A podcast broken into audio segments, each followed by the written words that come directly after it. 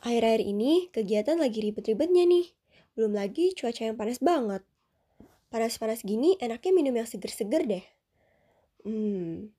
Oh, aku tahu. Teh botol sosro aja kali ya.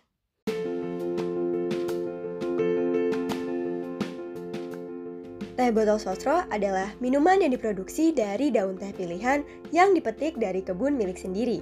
Pengolahan teh botol sosro dilakukan menggunakan mesin paling modern dari Jerman yang akan membantu menghasilkan produk terbaik dengan standar kualitas minuman yang terjaga. Kalian tahu nggak sih kalau teh botol sosro kini hadir dalam beberapa kemasan dengan harga yang terjangkau? Jadi teman-teman semua, apa pun makanannya, minumnya teh botol sosro.